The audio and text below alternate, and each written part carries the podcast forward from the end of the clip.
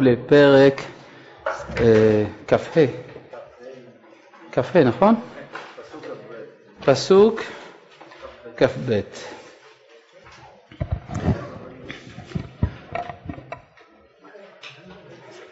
פסוק כ"ב ויתרוצצו הבנים בקרבה ותאמר אם כן למה זה אנוכי ותלך לדרוש את השם. לא הבנתי כלום. למה זה, אם כן למה זה אנוכי? מילים לא ברורות. ויתרוצצו. אז רש"י מביא אה, מספר פירושים, והוא מביא כאן בפירוש השלישי דבר אחר, מתרוצצים זה עם זה ומריבים בנחלת שני עולמות. טוב, רש"י רגיל לפרש על פי הפשט. ורש"י כאן מסביר לנו דבר שיכול רחוק מאוד מן הפשט, שמריבים בנחלת שני עולמות. מאיפה רש"י לקח את זה? וגם לא כל כך מובן זה שהם מתרוצצים, למה היא הולכת לדרוש את השם? כלומר, איך השם יכול לעזור לה בדיוק? אלא מה? אנחנו צריכים כנראה להבין את הדברים יותר לעומק. אה, הקדוש ברוך הוא הוא אלוהי העולם הזה, והוא גם אלוהי העולם הבא. ועכשיו, כשהקדוש ברוך הוא אלוהי העולם הזה, איך קוראים לו? קוראים לו זה, שנאמר זה אלי, או הנה אלוהינו זה. זה הוא כינוי לדבר שאפשר להראות אותו באצבע. אם כן, זה דבר ארצי. שמו של הקדוש ברוך הוא בתור אלוהי העולם הזה הוא זה. ואת זה הבינו היוונים, שהם הרי כך קראו, זה נתנו את השם הזה לריבונו של עולם. זהו. כן?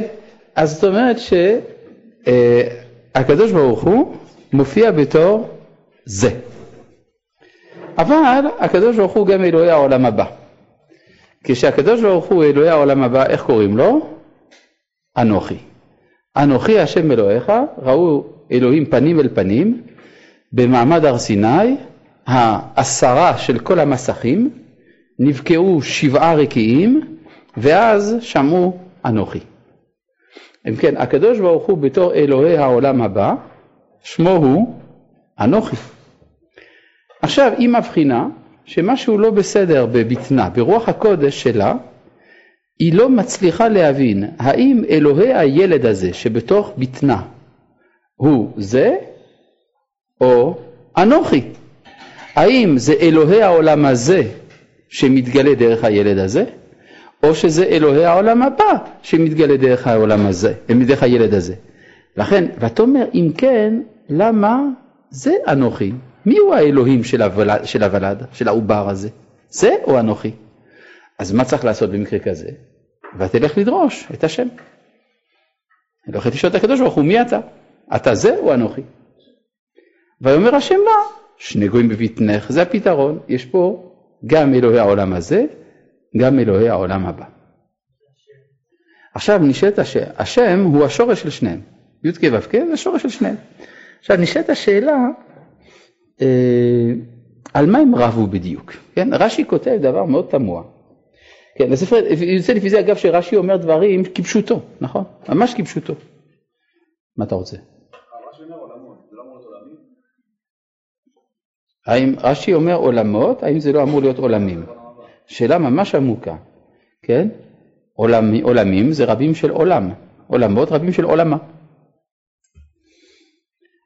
ברור, ממין השאלה, ככה תשובה. עכשיו, אה, עכשיו, מתרוצצים זה עם זה ומריבים בנחלת שני עולמות. נשאלת השאלה, מה הם שני העולמות? עולם הזה, עולם הבא. יפה מאוד. ומה כל אחד רצה? יש מקום לומר, כן, מה זה, מה כל אחד רצה? אז התשובה הקלאסית היא, עשיו רצה עולם הזה, יעקב רצה עולם הבא. אה, אבל אם זה נכון, אז אין פה מריבה. אדרבה, הם מסתדרים יפה מאוד. עשיו ייקח עולם הזה, יעקב ייקח עולם הבא, אין מריבה. אבל אם מסתכלים ברש"י בתשומת לב, נאמר מריבים בנחלת שני עולמות. אז הם רצו את שניהם. יעקב רצה עולם הזה ועולם הבא, ועשו רצה עולם הזה ועולם הבא. לכן קשה להם להסתדר ביחד. אלא שבכל זאת, יש פה זה ויש פה אנוכי. במילים אחרות, הנטייה הטבעית של עשיו, עולם הזה. אבל הוא רוצה לכבוש את עולם הבא. הנטייה הטבעית של, של יעקב, עולם הבא. אבל הוא רוצה לכבוש את העולם הזה. הדבר הזה בא לידי ביטוי בתולדותיהם ההיסטוריות. בני עשיו, מה שחז"ל מזהים בתור מלכות רומא, היו מומחים גדולים לענייני העולם הזה. כן? ולכן עשיו בגימטריה שלום. הוא שלם, הוא מושלם, לא חסר לו דבר. והוא קובע אם יהיה שלום או לא יהיה שלום. יש ביטוי כזה, השלום הרומי, פקס רומנה. הוא קובע, הוא המעצמה, והוא קובע איפה יהיה השלום, והוא כופה את השלום אם הוא רוצה, כופה מלחמה אם הוא רוצה. כי הוא עשוי, לא חסר לו דבר. כיוון שלא חסר לו דבר בעולם הזה, כאן הייאוש. הוא חושש שאין לו תקווה לעולם הבא. כן? ולכן הוא ממציא תיאולוגיה שלמה, התיאולוגיה הנוצרית, שכל עניינה של התיאולוגיה הנוצרית הייתה להבטיח לרומאי המצוי את חיי העולם הבא. כי הוא חושש שאין לו. כלומר, אם היינו צריכים לכתוב משנה נוצרית, היינו כותבים ככה, כל בני האדם יש להם חלק לגיהינם, אבל אם קורה נס, יש להם חלק לעולם הבא. ברור? יש מדרש כזה על רומאי אחד, הוא בא בבראשית רבה. רומאי שעשה סעודה גדולה לכל אנשי הכפר שלו. הוא הזמין את כולם. הזמין גם את היהודים של הכפר. וכאשר התחילה הסעודה, הביאו לפניו שולחן גדול, ערוך, בכל טוב, והוא התחיל לטעום את אחד התבשילים, ראה שאחד התבשילים מקולקל. הפך את כל השולחן כולו, זרק את הכל. אמרו לו היהודים שהיו שם, וכי בגלל תבשיל אחד אתה זורק את הכל? אז הוא אמר, אתם, יש להם חיי עולם הבא. לכן לא אכפת לכם כל כך שעולם הזה יהיה מושלם. אבל אני, יש לי עולם הזה. אם כבר, אז עד הסוף, צריך להיות מושלם עד הסוף. יש משהו חסר? לא שווה כלום. עמוק מאוד. זאת אומרת, זה באמת, השייכות של העולם הזה היא כל כך מובנת מאליה אצל הרומאים, שהשייכות לעולם הבא היא באמת מהווה חשש גדול. ולכן מפני המצוקה של העולם הרומי הומצאה התיאולוגיה הנוצרית שפותחת שערי שמיים על ידי טריקים. יש איזה טריק, אם אתה מאמין ככה וככה וזה, אתה עושה כמה תפילות, זה, זה אתה נכנס. אוף, הצילו אותך, יש לך נינה. אצל היהודים בדיוק הפוך. כל ישראל יש להם חלק לעולם הבא. אם אתה מגזים אתה יכול לאבד את זה, אבל זה מאוד לא קל. קשה לאבד חלק לעולם הבא. אבל אם באמת תשתדל, תוכל לאבד. אז איפה הבעיה? העולם הזה. העולם הזה אצל היהודים יש תמיד רתיעה. כן? למשל, סופר ישראלי גרוע בשם עמוס עוז פעם אמר שהעניין של צבא, דגל, המנון, הוא לא נגד, אבל איך הוא אומר? זה גויים נחס. גויים נחס. הנחת של הגויים. כן, זה ביטוי כזה ב... של דוברי יידיש. זה, יש נחת של הגויים, זה, זה בשבילם, זה לא בשבילנו. כן? כלומר, לא מתלהב מזה. יש תמיד חשש מהעולם הזה. אם אני באמת אקח ברצינות את המדינה, אני אהפוך מיהודי לרומאי, לא רוצה. אני מעדיף להיות תלוש. יש קושי, ולכן יש איזה מנגנון פנימי בתוך הזהות של יעקב, של הכשלה עצמית כל פעם שאנחנו עלולים להצליח מבחינה פוליטית. ולכן, התקופות שבהן יש הצלחה פוליטית לבני יעקב הן תקופות קצרות בהיסטוריה. מצד האמת, היה לנו שלוש תקופות בלבד של הצלחה פוליטית. התקופה האחת, ימי דוד ושלמה. התקופה השנייה, התקופה החשמונאית. באיזו תקופה של כמה עשרות שנים זה הלך. והתקופה השלישית, ממלחמת ששת הימים עד הסכמי אוסלו. כלומר, היו לנו שלושה זמנים שבהם הצלחנו להרים את הראש ולממש את היכולת הפוליטית שלנו. אבל כל פעם יש איזה מנגנון של הכשלה עצמית, וזה משהו שהוא מובנה בזהות של יעקב. יש חשש, יש סכנה, מפחדים מזה. על כל פנים, כל אחד מנסה לכבוש את השני.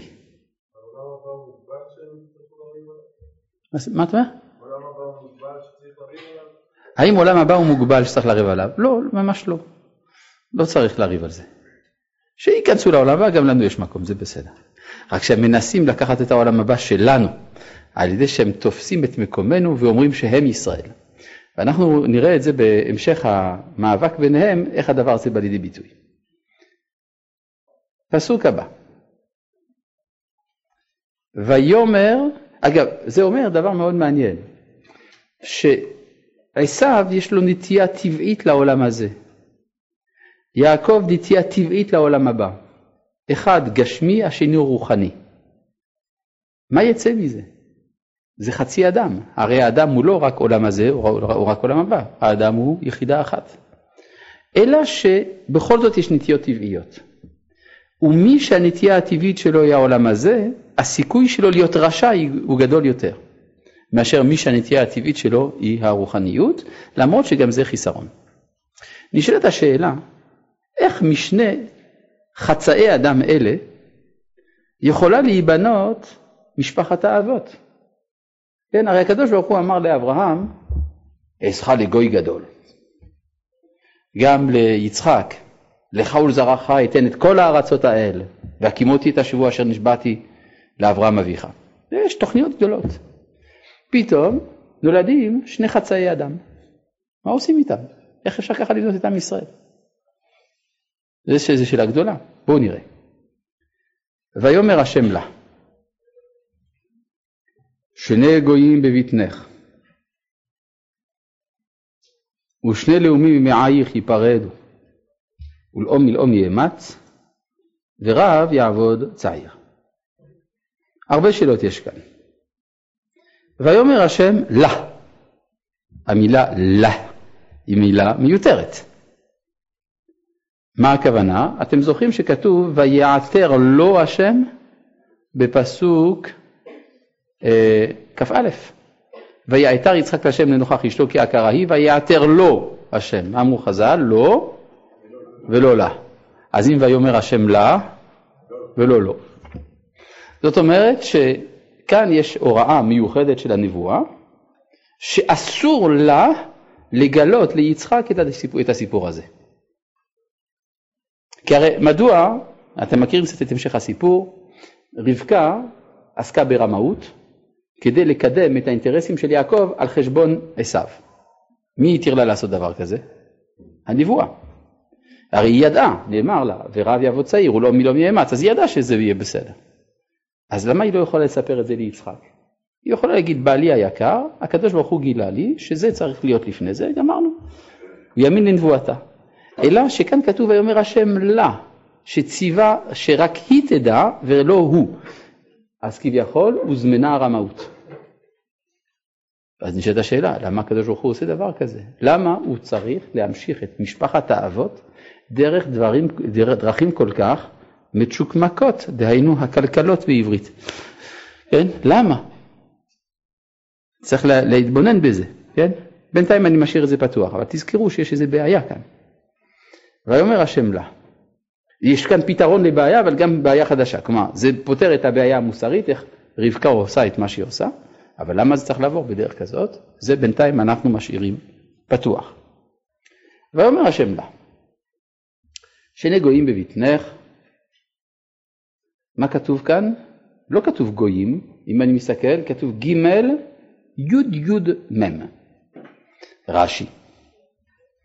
אומר רש"י, גויים ג, גאים כתיב, כמו גאים. גאים זה כמו אנשים גדולים, גא, כן, כל גא יינשא. לא, דווקא לא, אבל גא הכוונה גבוה. אלו אנטונינוס ורבי. אנטונינוס היה צאצא של עשיו, ורבי היה צאצא של יעקב. שלא פסקו מעל שולחנם לא צנון ולא חזרת, לא בימות החמה ולא בימות הגשמים. מה זה צנון? זה צנון. מה זה חזרת? חסה. חסה. כן? זה חסה. חזרת אצל חז"ל זה החסה. כלומר, הם היו אנשים מאוד עשירים. איך אני יודע שהם היו עשירים? תמיד היה להם צנון וחזרת. אפשר לעשות מזה סלט טוב, אבל מה זה כל כך מיוחד? טוב, באותם הימים שלא היו מקררים, מי שיכול להשיג גם צנון וגם חזרת כל השנה, סימן שהוא עשיר גדול, לפי אותם המושגים שלנו, המושגים של אותם הימים. אבל למה דווקא לקחו את הצנון והחזרת? למה לא אמרו גזר ותפוחי אדמה? קודם כל תפוחי אדמה לא היו, כי זה בא מאמריקה, אבל גזר ואני יודע מה, לפת. כן? אלא שהצנון, מה שנאכל, זה החלק שטמון באדמה, החזרת, החלק הנאכל, הוא החלק דווקא שבולט. אז יש להם שייכות גם לנסתר וגם לנגלה. צנון, מה שטמון, חזרת, מה שגלוי. גם נגלה, גם נסתר, יש גם אצל רבי, גם אצל אנטונינוס. מה זאת אומרת נגלה ונסתר? הרי רבי עסק בנגלה, וזה מובן, הוא היה איש פוליטי, הוא היה נשיא, הוא יכול היה להפעיל את המשטרה, גובה מיסים, זה החזרת שלו. מה עם הצנון? הוא עוסק בתורה, הוא עוסק בצד הפנימי של הדברים. מה עם אה, אנטונינוס? הוא קיסר, זה החזרת שלו, והוא גם היה פילוסוף, זה הצנון שלו, נכון? הוא היה פילוסוף סטואיקני, מניחים שזה אכן מרקוס אורדיוס אנטונינוס, שהיה פילוסוף סטואיקני גדול. אז אם כן, רבי ואנטונינוס הם דווקא זוג טוב, היו למדו בחברותה, כן? הגמרא אומרת שרבי ואנטונינוס היו לומדים ביחד, יש אפילו אמירה, שצריך לבדוק מה הערך ההיסטורי שלה, שאנטונינוס התגייר בסתר, כן? אבל מה זה אומר? אנטונינוס ורבי חיים ביחד, כן? כלומר הם אה, לומדים תורה, וביניהם זה מסתדר. גדול הרומאים עם גדול היהודים, הם מסתדרים ביחד, איפה יעקב ועשיו, איפה המריבה? טוב, כי הם לא עוסקים בפוליטיקה. כלומר, שמה ברור מי הבוס, הבוס זה אנטונינוס. ברגע שברור מי הבוס, אין מריבות. כן? וזה מה שנאמר, שני גויים בבטנך. כלומר, שיתוף הפעולה בין התרבות ההלניסטית-רומית לבין תורת ישראל זה שיתוף פעולה אפשרי. אחד יעסוק בחיצוניות החיים, השני יעסוק בפנימיות החיים. מסתדרים. זה בבטנך. אה, ברגע שזה הופך להיות שני לאומים, עוסקים בפוליטיקה, ממאייך ייפרדו ולאום מלאום יאמץ. כלומר, ברגע שזה פוליטי, יש מריבה. כל הזמן שזה לא פוליטי, בזמן הגלות הסתדרנו עם אנטונינוס, הוא היה חבר שלנו. ולאום מלאום יאמץ. ורב הגדול יעבוד צעיר, הוא יעבוד את הצעיר. זאת אומרת שעשו בסופו של דבר ישתעבד ליעקב, ככה הוא הסדר האמיתי של משפחת האבות. וימלאו ימיה ללדת, והנה תומים בבטנה, ויצא הראשון אדמוני. אדמוני מלא חיים, אדום. הצבע האדום זה הצבע של החיים. כולו כאדרת שיער. בדרך כלל תינוקות שנולדים, השיער עוד לא גדל. נדיר שהשיער כבר נמצא, במיוחד, לא, ודאי לא על כל הגוף, ודאי לא שיער ארוך. והנה הוא יוצא, כל כולו ככה שלם. במילים אחרות, לא חסר לו דבר. מושלם. ויקראו שמו עשיו, או עשוי. כלומר, זה אדם שהעולם הזה שייך לו. ואחרי כן יצא אחיו. וידו אוחזת בעקב עשיו. ויקרא שמו יעקב. הוא כל הזמן עוקב. כי כל אח עקוב יעקב. אין ביטוי כזה. זאת אומרת, כאילו הוא מגדיר את עצמו על ידי אחיו. זה העקב אכילס של עשיו. נכון? בסוף של עשיו נמצאת היד של יעקב. אבל זה אומר שמה שעלול להיות, כלומר הסוף של עשיו זה ההתחלה של יעקב. אבל זה אומר שיעקב הוא אף פעם לא מושלם, הוא כל הזמן עוקב. זה אדם חלש. כן, הוא כזה לא, לא מצליח לעמוד על רגלי עצמו, הוא צריך להיתפס בעקב של מישהו אחר. הוא זנב לאריות, לא ראש לשועלים. ויצחק בן שישים שנה ולדת אותם, ויגדלו הנערים, ויהי עשיו, איש יודע ציד, איש שדה, אחלה גבר. המנש, כמו שאומרים. הוא איש יודע ציד. העולם הזה הוא עולם שבו יש צידה. כן? זה, זה, זה כל הזמן מאבק העולם הזה. אז רואים שעשו הוא אחד שיודע להילחם בעולם הזה. אדם נפלא, הוא יכול להקים מדינה. יעקב ישתם, יושב אוהלים. הוא נשאר בישיבה, מדי פעם מבשל כמה עדשים, בשביל שיהיה מה לאכול במשמר. זאת אומרת, זה, הוא חלוש, הוא תם, הוא שלם, אבל יושב אוהלים. מי שיושב באוהל, אין לו סיכוי להנהיג את העולם. מה? האם פסוק כ"ד לא מיותר? מה אתה אומר? כנראה שלא. לא פירשתי אותו, זה נכון. אני לא מפרש כל פסוק כי יש לי מגמה במה שאני מדבר. אז, אז מה עושים? יש אחד כזה חזק שיכול להחזיק, להחזיק את המשפחה, יכול להחזיק את העולם. השני חלוש, אדם רוחני. אנחנו לא נגד אנשים רוחניים. השאלה אם אפשר לנהל את העולם על ידי אנשים רוחניים. התוצאה ברורה לחלוטין, ויאהב יצחק את עשיו. כי ציד בפיו, הוא צודק. ורבקה, פה דבר תמוה מאוד, אוהבת את יעקב. מה קרה לה? מה, זה רק רגשנות אמהית? חלישות הדעת? מה פתאום היא אוהבת את יעקב? כי גילו לה. זאת אומרת, יש לה ידיעה נבואית שיש סיבה טובה לאהוב את יעקב. אבל בשלב הזה של החיים של יעקב, כשרואים אותו עם החולשה הזאת, ברור שהוא לא מתאים. הוא לא מתאים להיות השלב השלישי של התקופה של האבות.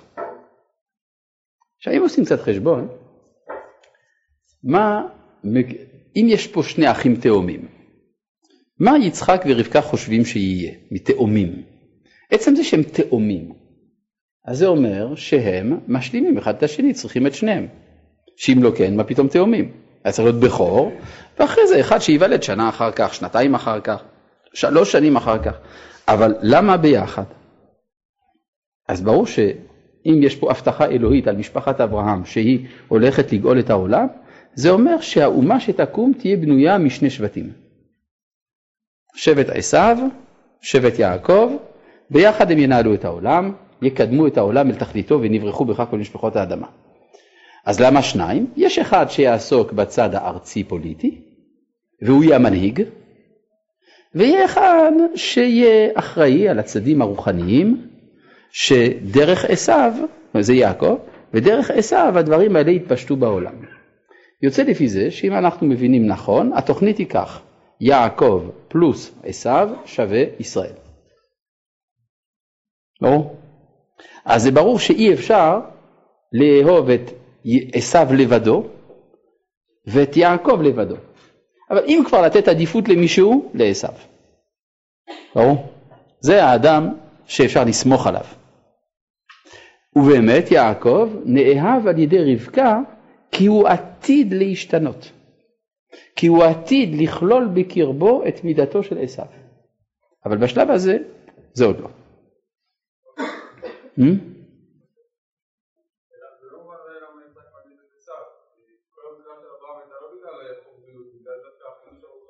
דווקא הבחירה באברהם לא הייתה מסיבות רוחניות, אלא מסיבות חומריות. הוא מסוגל להקים אומה. עם השם, כמובן. מי אמר שעשו הוא לא בסדר? עשו הוא בסדר גמור. אלא מה תגיד הוא רשע? זה אפשר, זה דתלש קצת, בסדר? בחור ישיבה שמדתלש, אבל הוא יכול לחזור בתשובה. כשהוא יחזור בתשובה זה יהיה חזק מאוד. אבל צדיק כמו יעקב לא יכול לנהל את העולם. רוחני כזה. כן? עכשיו, אבל מה? לא, לא, ישמעאל זה עולם אחר גם, זה בן השפחה. יש מנטליות של בן השפחה, דיברנו על זה באריכות. עכשיו בואו ננסה עוד קצת להבין, מה זה ציד בפיו? אז רש"י מביא, אה, יודע ציד, כתוב לצוד ולרמות את אביו בפיו. שוב, מאיפה רש"י לקח את זה שציד בפיו זה דרש, הפשט שהוא מביא ציד, נכון? איך כתוב באונקלוס? מציידי הווה אכיל. כן? אלא מה? צריך להגיד כי מביא ציד בפיו, או צידו בפיו, אבל מה? בפיו של יצחק. ככה לפחות לפי האונקלוס. אבל רש"י מבין שזה הפה של אביו. כן? לצוד רמות אביו בפיו, לא, דווקא שלי, שלי, לא, סליחה, בפיו של עשיו, ושואלו, אבא, האח מעשרין את המלח ואת התבן. כסבור אביו שהוא מדקדק במצוות. אני רוצה להבין מה, מה זה הסיפור הזה. האח מעשרין את המלח ואת התבן. נשאלת השאלה, זו שאלה טובה או זו שאלה לא טובה? מוכרח להיות שזו שאלה טובה. איך אני יודע? זה מצא חן בעיני יצחק. אם זאת הייתה שאלה מטופשת, יצחק לא, הייתה, לא היה מתלהב מזה. אז כנראה שהשאלה היא שאלה טובה. עכשיו אני רוצה להבין, מה הבעיה בעצם בלעשר מלח ותבן? להלכה, לא מעשרים מלח ולא מעשרים תבן. כי מה זה לעשר? ברגע שאני מעשר את התבל, אחרי המעשר, פתאום המאכל שאני הסרתי מתחלק לשני חלקים. קודש וחול. הקודש מופרש לכהנים וללוויים, החול לישראל. קודש וחול. יוצא שכאשר אני מעשר, אני חושף את מה שהיה קדוש שם. זה גילוי הקדושה, המעשר, המעשרות. עכשיו, אה, זאת אומרת שכדי שיהיה משהו חייב במעשר, צריך שיהיה בו קדושה. והנה ההלכה אומרת מלח לא מעשרים. זה אומר שבמלח אין קדושה. למה אין קדושה? זה דומם. דומם אתה לא צריך לעשר, כמו שלא מעשרים את המים. ותבן, תבן זה אמנם צומח, אבל זה הפסולת של הצומח, זה מה שנשאר, אחרי שלוקחים את החיטה, את הגרעינים מה שנשאר זה התבן. אז פסולת זה גם רחוק מדי מעולמו של האדם, כדי שאנחנו נגלה בזה קדושה. הדבר הזה חורה לו לעשו. הוא אומר, מה? אי אפשר להסר את המלח ואת התבן? זאת אומרת, אי אפשר לגלות קדושה בכל. והלא עשו, לפי מה שלמדנו, הוא אדם מושלם. אז כואב לו, הוא רוצה לגלות את הקדושה המוחלטת. הוא רוצה להסר את המלח ואת התבן. הדבר הזה דומה מאוד לאישיותו של יצחק אבינו שהיה צדיק של מידת הדין. גם יצחק הוא כזה, הוא רוצה קדושה בכל, והראיה, הוא מסוגל להקריב לא רק בהמות, אלא את עצמו. אם הוא מוכן להקריב את עצמו, אז הוא הולך עד הסוף, הוא מוחלט. לכן כשהוא שומע את הבן שלו, הוא שומע איך מעשרים את המלח ואת התבן, או, איזה יופי, שאלות טובות. אז אם ככה, עשו הוא אידיאליסט גדול, צדיק, מה לא בסדר בשאלה שלו? אני אגיד לכם מה לא בסדר. יצחק אבינו, כשהוא יגיד, אני לא יודע איך מעשרים מלח ותבן, אז מה הוא יגיד לעצמו? טוב, לפחות בינתיים, עד שאני אמצא פתרון, איך מעשרים את המלח ואת התבן, אני אעשר את הדגן, את התירוש ואת היצהר. זה אני יודע לעשר. דגן, תירוש ויצהר, יצחק מוכן לעשר, למרות שהוא לא יודע איך מאסרין את המלח ואת התבן. אצל עשיו זה לא כך. עשיו אומר, או שמאסרים את המלח ואת התבן, או שאני לא מאסר שום דבר. זה הכל או לא כלום. מוחלט. כיוון שהמוחלט לא ניתן להשגה, אז עשיו נופל לתוך הרע.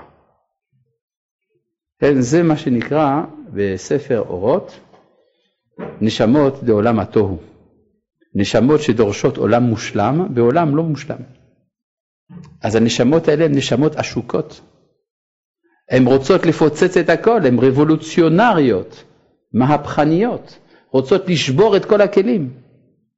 בגלל שהן מתוסכלות, הנשמות האלה, מפני הגודל שלא בא לידי ביטוי בעולם הזה. זה הבעיה. אמנם אפשר אחרי השבירה לבנות מחדש. יש כאלה שיודעים לשבור ולבנות, אבל יש כאלה שלא יודעים לשבור, שיודעים רק לשבור, לא יודעים לבנות. וזה מה שבעצם מהווה הטרגדיה של העוצמה הרוחנית של עשיו. אדם גדול מאוד. איך אני יודע שהוא גדול? התורה קוראת לו הגדול. ויקרא לעשיו בנו הגדול. ותלבש את יעקב בנה הקטן. אם כן, התורה בעצמה מעידה על כך שעשיו גדול ויעקב קטן. כלומר, השורש של, של הנשמה של עשיו הוא גבוה יותר מזה של יעקב. לא מחמיא לנו, אנחנו בני יעקב, אנחנו רוצים לפתור את הבעיה, אה, מה צריך להיות, מה, מה אתה... טוב, בואו נראה. כלומר, צריך להבין שהאהבה של יצחק לעשיו איננה אהבה סנטימנטלית, רגשית, או בגלל שזה היה מאוד טעים מה שהוא נתן לו. זה משהו הרבה יותר רציני מזה. ורבקה אוהבת את יעקב, לא מפני שאובייקטיבית צריך לאהוב את יעקב יותר, אלא בגלל שהיא יודעת שצריך לאהוב אותו יותר. איפה יודעת? מהנבואה. שוב אנחנו רואים שהנבואה הכינה מראש את התסבוכת. כלומר זה כאילו הכשלה מכוונת. טוב, בואו נראה. ויעזד יעקב נזיד. הוא מבשל. ויבוא עשיו מן השדה. עכשיו אני רוצה להגיד משהו. ממה זה היה עשוי הנזיד הזה?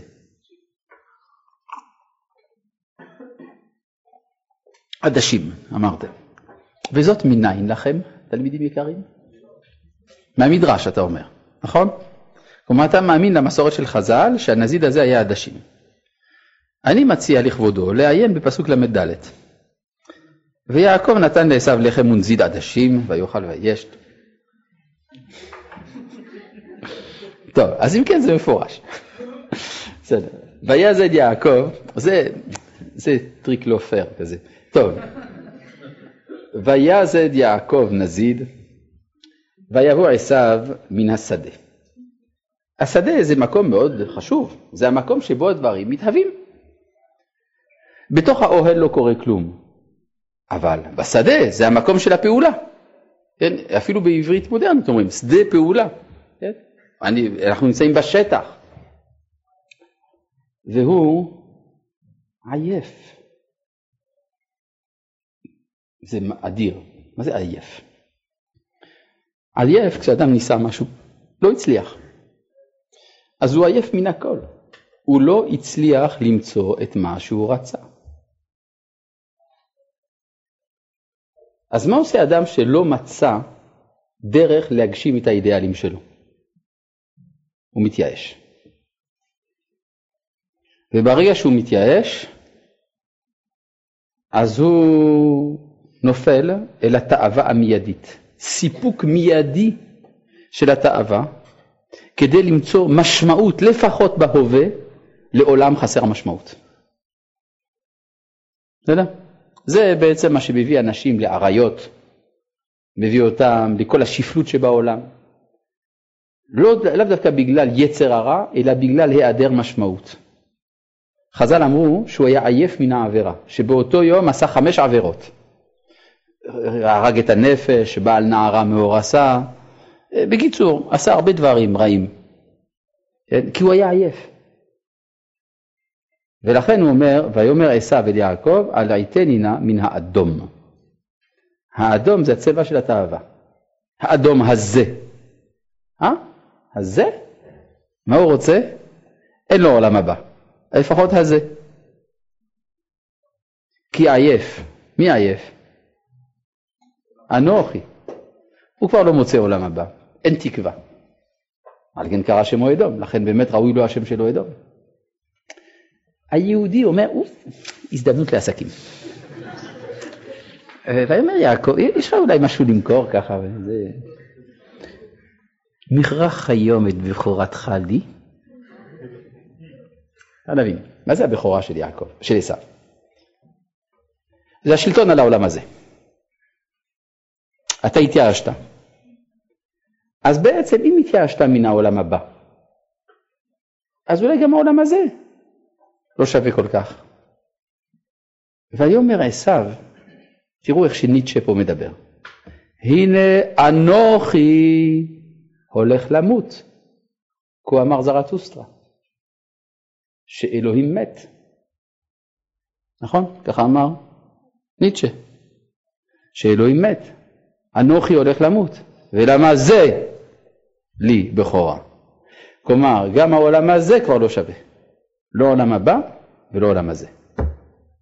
אדם גדול, הוא מוותר על הכל. ויאמר יעקב ישמע לי כיום, וישבע לו וימכור את בכורתו ליעקב. יעקב נתן לעשו לחם נזיד עדשים, ויאכל, וישת, ויקום, ויהלך, ויעזב את הבכורה. כל הביטויים האלה באים לומר שעשו בעצם הספיק לחשוב. כן? ויאכל, ויש, ויקום, וילך. מה זה וייבז? מה?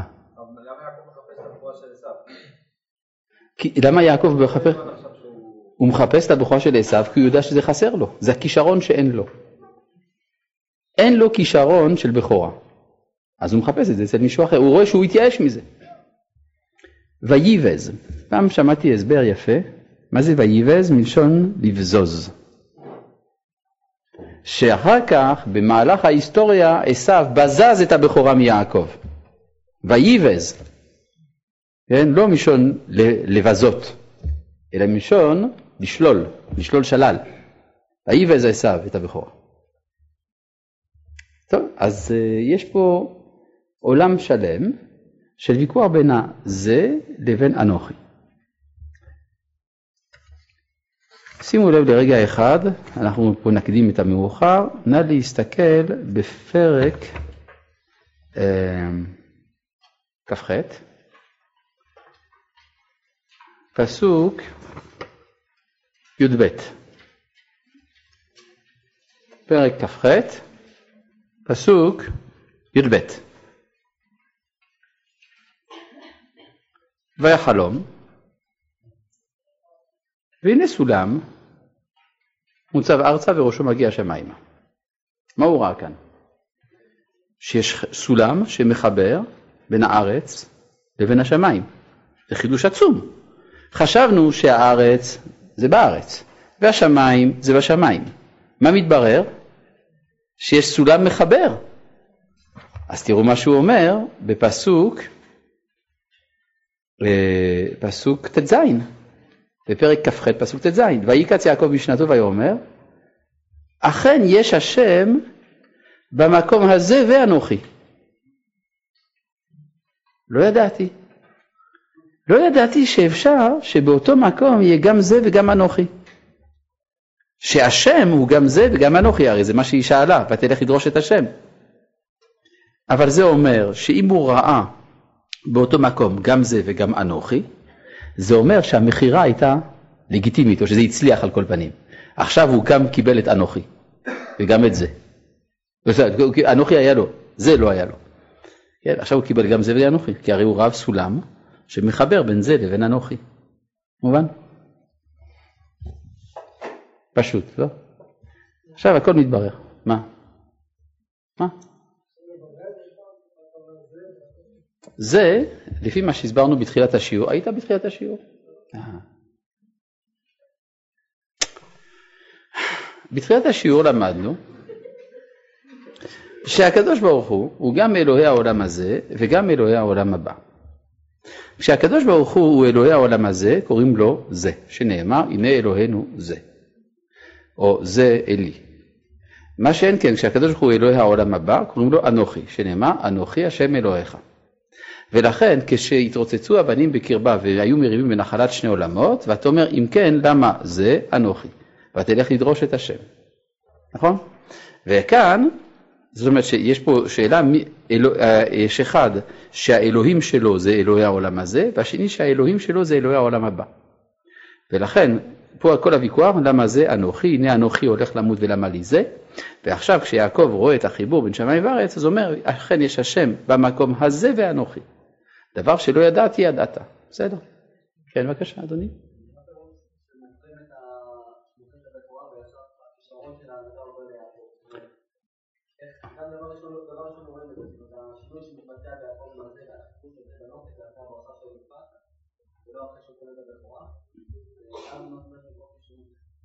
כן, זהו, זה, רואים שבאמת המכירה היא לא פעלה שום דבר. בשלב הזה, המכירה של הבכורה ליעקב לא הועילה. לא הועילה כי עדיין הוא צריך את ההדרכות של אימא שלו, כן, שתגיד לו מה לעשות. הסימן שהוא עוד לא עשו. בסדר? אז אנחנו נראה לאורך הסיפור של יעקב ועשו, שהמעבר מיעקב לישראל מתרחש לפחות בחמישה שלבים. בסדר? זה שלב ראשון. כן.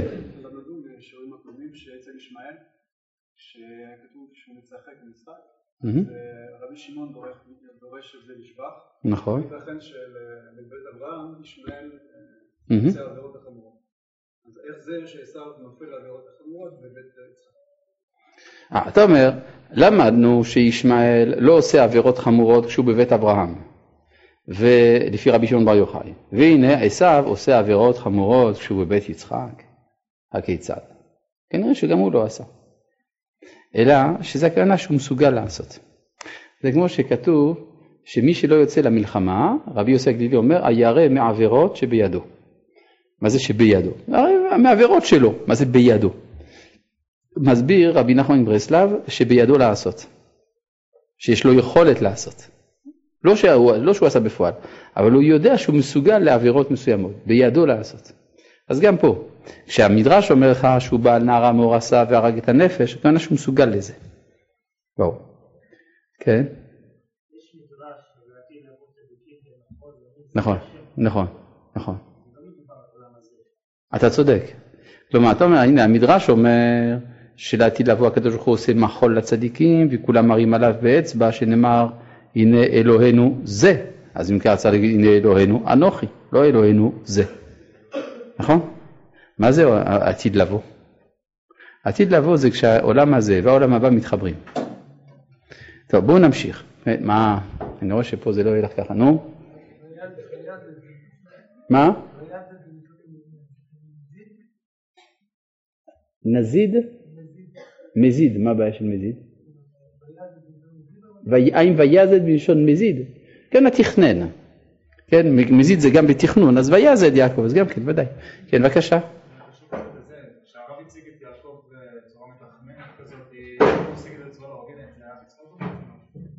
נאמר ככה, זה איך שזה נראה. יעקב, מה שעשיתי ככה עם שפשוף הידיים של היהודי שרוצה לדפוק את הגוי. כן, עכשיו, השאלה היא, האם זה ברצינות או בצחוק? זאת בדיוק השאלה שעולה כאן. זה כל הסיפור באמת הוא כזה. הוא סיפור שבו יעקב נראה עם נחיתות מוסרית. כן? הוא נראה עם נחיתות מוסרית. לכן אני בכוונה תיארתי אותו עם הצד הנחות הזה, כן? כשצריך בשביל זה עומק ראייה כדי להבין שהוא, שזה לא נכון. בסדר? אז יש לנו עבודה. יש לנו עבודה. אבל בינתיים אני מציג את זה כשאלה, שאלה שמתבקשת. כלומר, איך יעקב נופל לכאורה לרמאות? כן? סך הכל יש פה בחור רעב, מיואש. אז תעודד אותו, תיקח אותו לשיעור במכון מאיר, משהו, מה, תראה לו אינטרנט. כן? מה קרה פה? אני בינתיים בכוונה משאיר את זה פתוח, לפי העיקרון שקיבלתי מרבותיי, שטובה קושייה טובה מתירוץ צולע.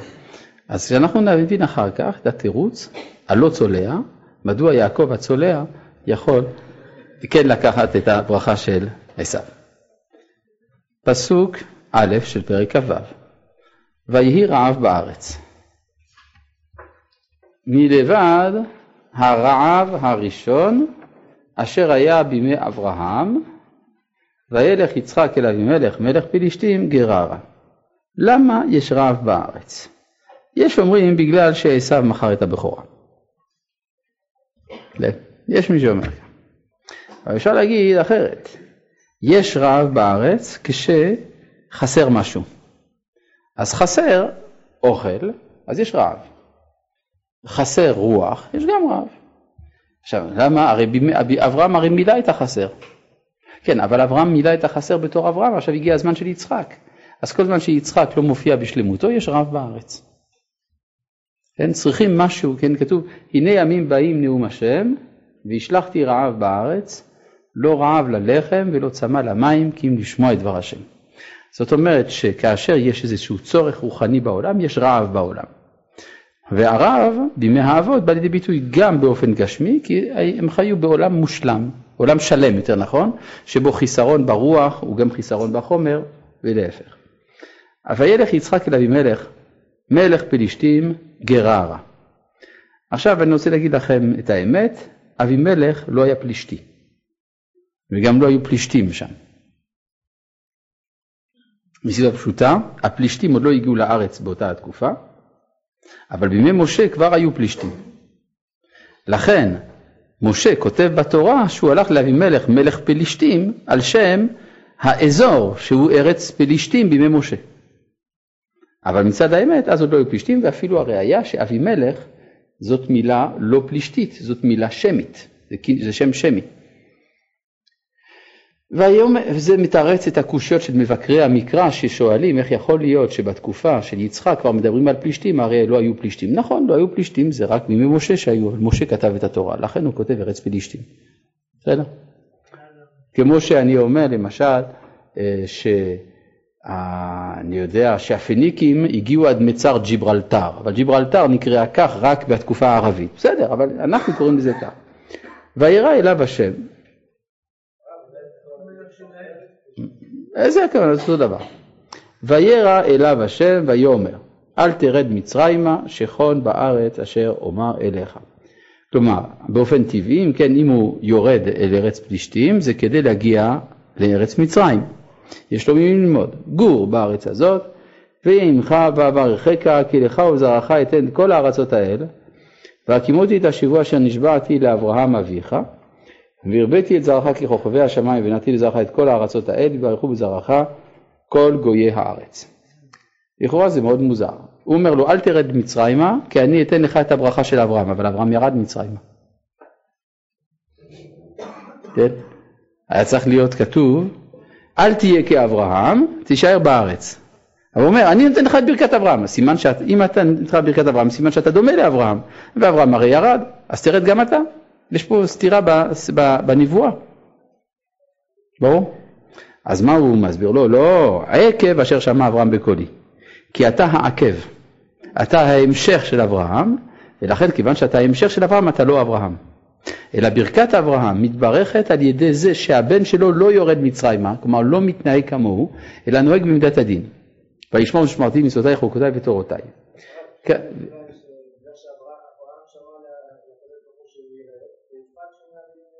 כן, כן, אבל אני אומר, זה בסדר, אבל למה הקדוש ברוך הוא מצווה על אברהם לרדת, אם באמת הוא ציווה אותו, למרות שזה לא כתוב מפורש, הרי הרמב"ן אומר אפילו שזה החטא, ולמה ליצחק הוא אומר מפורש לא לרדת. אלא יש איזה הבדל בין צדיק של מידת החסד לצדיק של מידת הדין. צדיק של מידת החסד יש לו התפשטות. צדיק של מידת הדין יש לו ריכוז. ומעניין מאוד, לאברהם אבינו היו, עד כמה שאני זוכר, שני שמות לפחות. קראו לו גם אברהם וגם אברהם. היו לו לפחות שתי נשים, הגר ושרה. היו לו לפחות שתי ארצות, גם ארץ ישראל, גם מצרים, גם מורכזלים. כלומר, יש פיזור של החסד של אברהם על, על, על, על סביבתו. יצחק אבינו יש לו רק שם אחד, קוראים לו יצחק וזהו. יש לו רק אישה אחת, רבקה וזהו. יש לו רק ארץ אחת, ארץ ישראל וזהו. כלומר, האדם השלם יש לו אישה אחת, שם אחד, ארץ אחת. זה המושלם. לכן הזוהר מכנה את יצחק תושבחתא דאבהן, המשובח שבאבות. אצל האחרים הזהות צריכה בירור, אצל יצחק היא מושלמת. וזה בגלל שהוא צדיק של מידת הדין, שמוכן להקריב גם את עצמו. אז מה שהוא אומר, אה, עקב אשר שמע אברהם בקולי, וישמור משמרתי. זאת אומרת, אתה העקב של, של אברהם. יש רק משהו לא ברור, מה זה וישמור משמרתי? מצוותיי, חוקותיי ותורותיי. איזה מצוות יש לו לאברהם לשמור? הרי עוד לא ניתנה תורה אפילו. ברית מילה זה מצווה אחת. מה זה משמרתי, מצוותיי, חוקותיי, תורותיי? חז"ל אמרו אפילו עירובי תבשילין קיים אברהם אבינו. מה קרה לחז"ל שדווקא חיפשו עירובי תבשילין? מסביר הרשב"ץ בספרו מגן אבות, בחלק הפילוסופי, שהעירוב התחומין או עירוב תבשילין זה כדי לחבר שני דברים שהם נפרדים, יום טוב ושבת, למשל. יום טוב זה קדושה אחת, שבת קדושה אחרת. וגם יום חול, הכין, התחלנו להכין בחול, דרך יום טוב, אפשר להכין לשבת. אז בעצם עירובי תבשילין זה המצווה שמאחדת. אז זה התפקיד של אברהם אבינו, לאחד את העולם. לכן דווקא, דווקא עירובי תבשילין מצאו ולא מצווה אחרת. אבל שוב, אני לא מבין מה זה המצוות האלה שהוא קיים. אז חז"ל אמרו שאברהם אבינו קיים את כל התורה כולה למרות שהיא לא ניתנה, אף על פי שלא ניתנה. כן, אני לא מבין איך הוא יכול לקיים כל התורה כולה, איך הוא יכול לקיים כל התורה כולה. איך הוא יכול להגיד בהגדה של פסח, יצאנו ממצרים, הוא לא היה משועבד ולא כלום. איך הוא יכול אה, להדליק נר חנוכה, הרי עוד לא היה מעשה החשמונאים, הוא יגיד על ידי כהניך הקדושים, כן, אנחנו, הנרות האלו אנו מדליקים על הניסים ועל הפורקן שעשית לאבותינו, אה, איזה אבותינו, כן? בכלל באיזה נוסח הוא אמר את זה, אשכנזי, ספרדי, מה? כן, ברור שזה משהו לא, לא מובן כאן, איך אפשר להגיד, אם כן, על אברהם אבינו, שקיים כל התורה כולה, הדבר הזה פשוט לא, לא עולה על הדעת, נכון? אלא מה? מה? אז יש מדרש על האדם הראשון לגבי חנוכה. אז לא להגיד, אז אם כך, אתה אומר שהוא קיים את כל המצוות אבל לא כמונו. האריזל אומר שהאבות קיימו את כל התורה כולה, את כל המצוות, רק לא בצורה שלנו. אלא ההתנהגות שלהם הם שורשי המצוות שלנו. אין איך כתוב, אה, אם מחוט ועד צרוך נעל, ואם אקח מכל אשר לך ולא תאמר אני השארתי את אברהם. אז כיוון שאמר אברהם אבינו אם מחוט, זכה לציצית, חוט של תכלת. ועד צרוך נעל זכה למצוות חליצה לבניו. אמר ואנוכי עפר ואפר זכה למצוות סוטה שלקח מעפר המשכן ונתן אל המים ואפר זכה לפרה אדומה. כן, איך האמירה ואנוכי עפר ואפר זה קשור לפרה אדומה. זה מאוד קשור אגב, זה לא סתם משחקי מילים. רק צריך להבין מה זה האמירה אנוכי אפר אצל אברהם ולמה זה מתגלגל והופך להיות פרה אדומה. כן, אבל זה ברור, כל המצוות נתונות שמה, אבל הם נמשכו בחיים והפכו למצוות אצלנו. אצלם זה עצם החיים, לפי העיקרון שיפה שיחתם של עבדי אבות מתורתם של בנים. יש כאלה שרצו גם לומר, זה הרמב"ן בעצם, שהיא כוונה לשבע מצוות בני נוח וכל המצוות שקיבלו עליהם, החוקים ש, של הקדמונים, כנראה חוקי חמורבי וכדומה. אבל דברי הארי נאמנים עלינו. טוב, עד כאן להיום.